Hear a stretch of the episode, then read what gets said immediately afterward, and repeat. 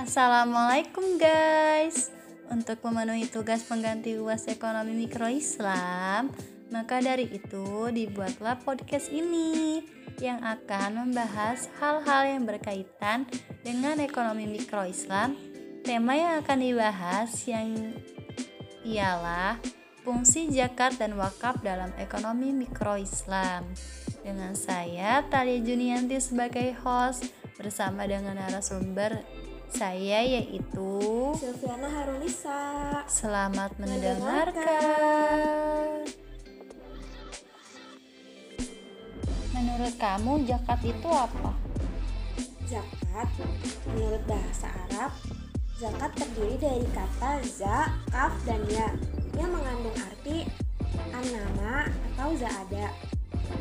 Berke yang artinya zakat adalah pajak yang dikumpulkan dari orang kaya muslim yang diperuntukkan terutama untuk membantu masyarakat muslim yang miskin. Zakat disalurkan untuk para mustahik zakat. Mustahik zakat yaitu orang-orang yang berhak menerima zakat, yaitu ada delapan orang. Kelompok yang dimaksud adalah yang pertama, ada orang-orang fakir. Orang-orang fakir yaitu orang yang tidak dapat mencukupi apa yang menjadi kebutuhan pokoknya. Yang kedua, orang-orang miskin. Orang-orang miskin yaitu orang yang tidak dapat mencukupi kebutuhannya. Yang ketiga, pengurus-pengurus zakat atau amil.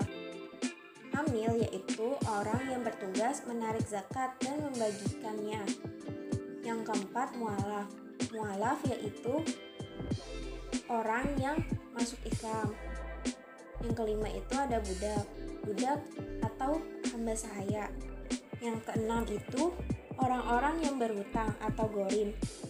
Tetapi dengan syarat utangnya itu bukan untuk tujuan maksiat atau mereka telah bertobat. Yang ketujuh itu ada sabila atau orang yang sedang dalam perjalanan. Ada juga ibu sabil Zakat itu hukumnya fardu ain atau wajib ain bagi setiap muslim apabila telah memenuhi syarat. Syaratnya itu ya, adalah yang pertama beragama Islam, yang kedua merdeka, yang ketiga berakal, yang keempat balik, lalu yang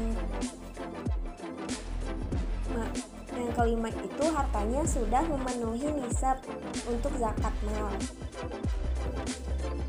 Lalu tujuan dan fungsi zakat itu apa?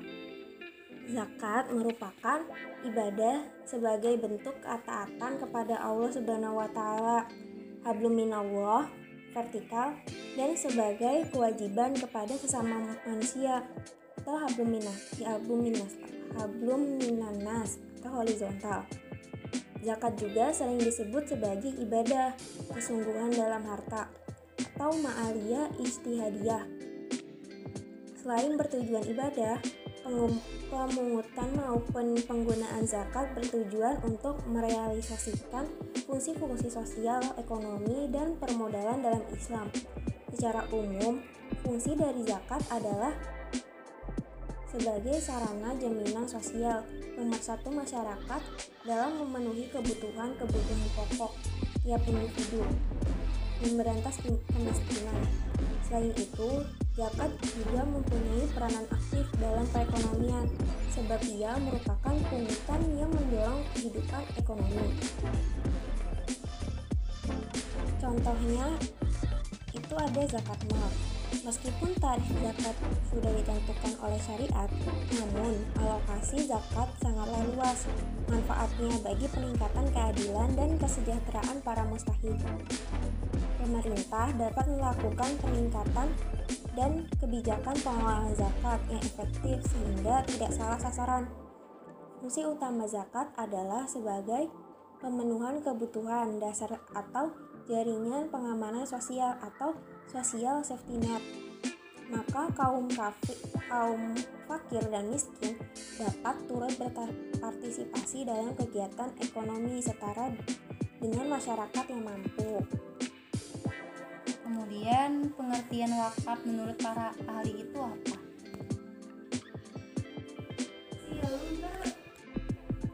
Kata wakaf berasal dari bahasa Arab yaitu wakofa. Asal kata wakafa berarti menahan atau berhenti atau diam di tempat atau tetap berdiri. berdiri. Kata wakafa yakufu wakfan sama artinya habas yahbisu tahbisan. Satu kata al-wakaf dalam bahasa Arab mengandung beberapa pengertian. Nah, artinya menahan, menahan harta untuk diwakafkan dan tidak dipindah milikan. Menurut istilah ahli fikih, banyak pandangan tentang istilah wakaf seperti berikut. Yang pertama dari pengertian wakaf menurut Abu Hanifah. Wakaf adalah menahan suatu benda yang menurut hukum tetap diwakif dalam rangka mempergunakan manfaatnya untuk kebajikan berdasarkan definisi itu maka pemilikan harta wakaf tidak lepas dari si wakif bahkan ia dibenarkan menariknya kembali dan ia boleh menjualnya jika si wakif wafat harta tersebut menjadi harta warisan buat ahli warisnya. Jadi yang timbul dari wakaf hanyalah menyumbangkan manfaat. Karena itu mazhab Hanafi mendefinisikan wakaf adalah tidak melakukan suatu tindakan atau suatu benda atas suatu benda yang berstatus tetap sebagai hak milik dengan menyedekahkan manfaatnya kepada suatu pihak kebajikan sosial baik sekarang maupun akan datang. Yang kedua menurut mazhab Maliki yang berpendapat bahwa wakaf wakaf itu tidak melepaskan harta yang diwakafkan dari kepemilikan wakif, namun wakaf tersebut mencegah wakif melakukan tindakan yang dapat melepaskan kepemilikannya atas harta tersebut kepada yang lain dan wakif berkewajiban menyedekahkan manfaat serta tidak boleh menarik kembali wakafnya. Perbuatan si wakif menjadi manfaat hartanya untuk digunakan oleh mustahik atau penerima wakaf. Walaupun yang dimilikinya itu berbentuk upah atau dijadikan hasilnya untuk dapat digunakan seperti mewakafkan uang, wakaf dilakukan dengan mengucapkan lafaz untuk masa tertentu sesuai dengan keinginan pemilik. Dengan kata lain, pemilik harta menahan benda itu dari penggunaan secara pemilikan, tetapi membolehkan memanfa memanfaatkan hasilnya untuk tujuan kebaikan, yaitu memberikan manfaat benda secara wajar, sedang itu tetap menjadi milik si wakif. Perwakafan itu berlaku untuk suatu masa tertentu, dan karena karenanya tidak boleh disyariatkan disyaratkan kepada wakaf kekal atau selamanya.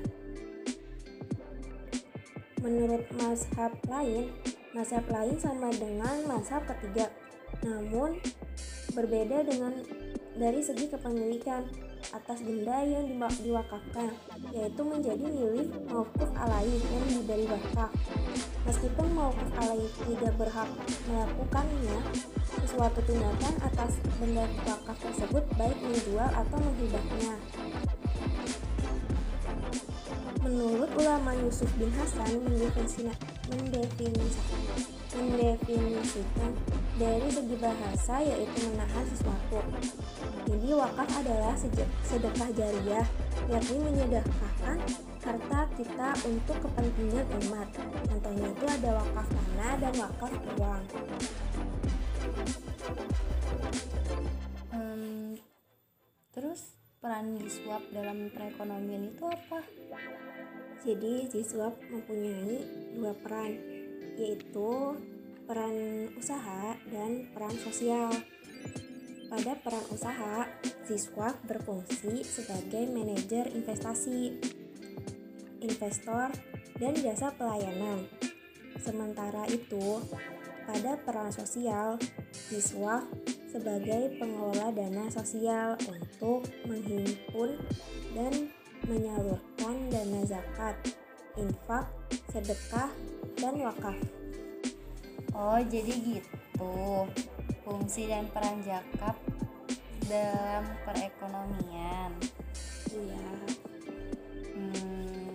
Udah, baik. Terima kasih Sylviana Khairisa. dan semoga bermanfaat.